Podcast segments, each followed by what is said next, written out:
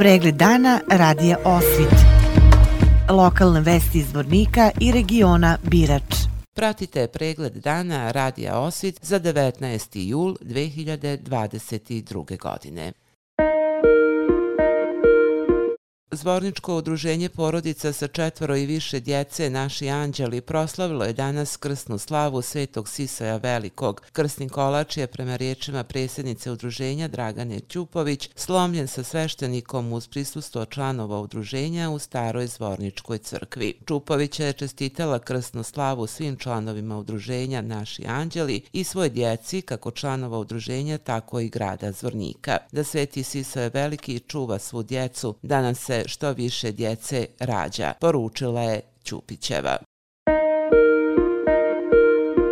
Srpska pravoslavna crkva i vjernici proslavljaju danas Svetog Sisaja velikog zaštitnika djece i brzog pomoćnika u svakoj tuzi i nevolji. U svim zvorničkim crkvama danas su u jutarnjim satima služene svete liturgije, nakon čega su lomljeni krstni hljebovi koje su pripremale majke. A kate Svetom Sisaju će biti služen danas u 17 časova u svim crkvama na području zvornika. U hramu Ognjene Marine u Čelopeku nakon čitanja akatista u 17.30 2020 krenuće litija koja će proći dionicom dugom 5 km.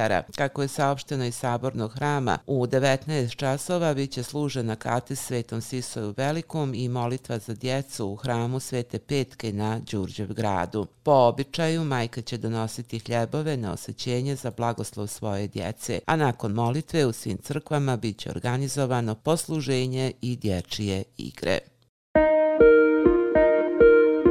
Proteklog vikenda sprovedena je pojačana kontrola učesnika u saobraćaju na području policijske uprave Zvornik. Akcija na kontrole bio je na utvrđivanju alkoholisanosti vozača i prisustva droga ili psihoaktivnih lijekova. Sankcionisano je ukupno 47 učesnika zbog upravljanja vozilom pod dejstvom alkohola. Lišenjem slobode zadržana su tri vozača i to dva vozača zbog utvrđenog prisustva alkohola u količini preko 1,5 grama po kilogramu, a jedan jedan zbog odbijanja podvrgavanja alkotestiranju. Također, sankcionisana su tri vozača zbog odbijanja testiranja na prisustvo opojnih droga u organizmu. Saopšteno je iz policijske uprave Zvornik.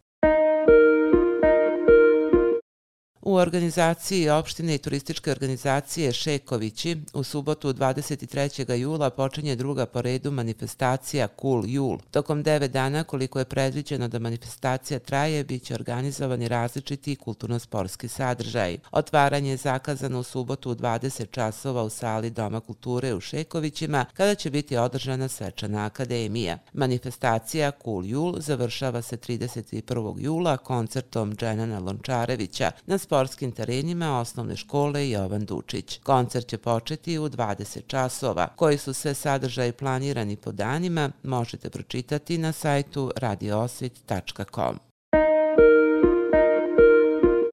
Džudisti BiH i Republike Srpske zabilježile su zavidan uspjeh na prvenstvu Balkana za seniore i senjorke, koje je prethodnog vikenda održano u Bugarskoj. Medalje su osvojili članovi judo kluba Sokolovi iz Vrnika. Marko Rosuljaš i Sandra Popović okitili su se bronzanim medaljama. Njih dvoje sa reprezentacijom ove sedmice nastavljaju pripreme u Trebinju. Za 25 godina postojanja judo sporta u našem gradu, ovo je tek četvrta, odnosno peta balkanska senjorska olimpijska medalja koja je stigla u Zvornik.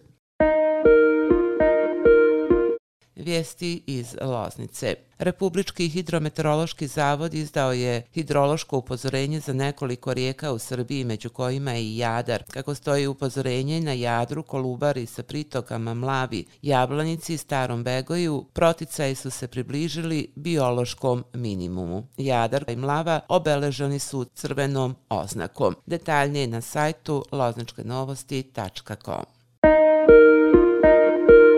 Pregled dana radija Osvit. Lokalne vesti iz Vornika i regiona Birač.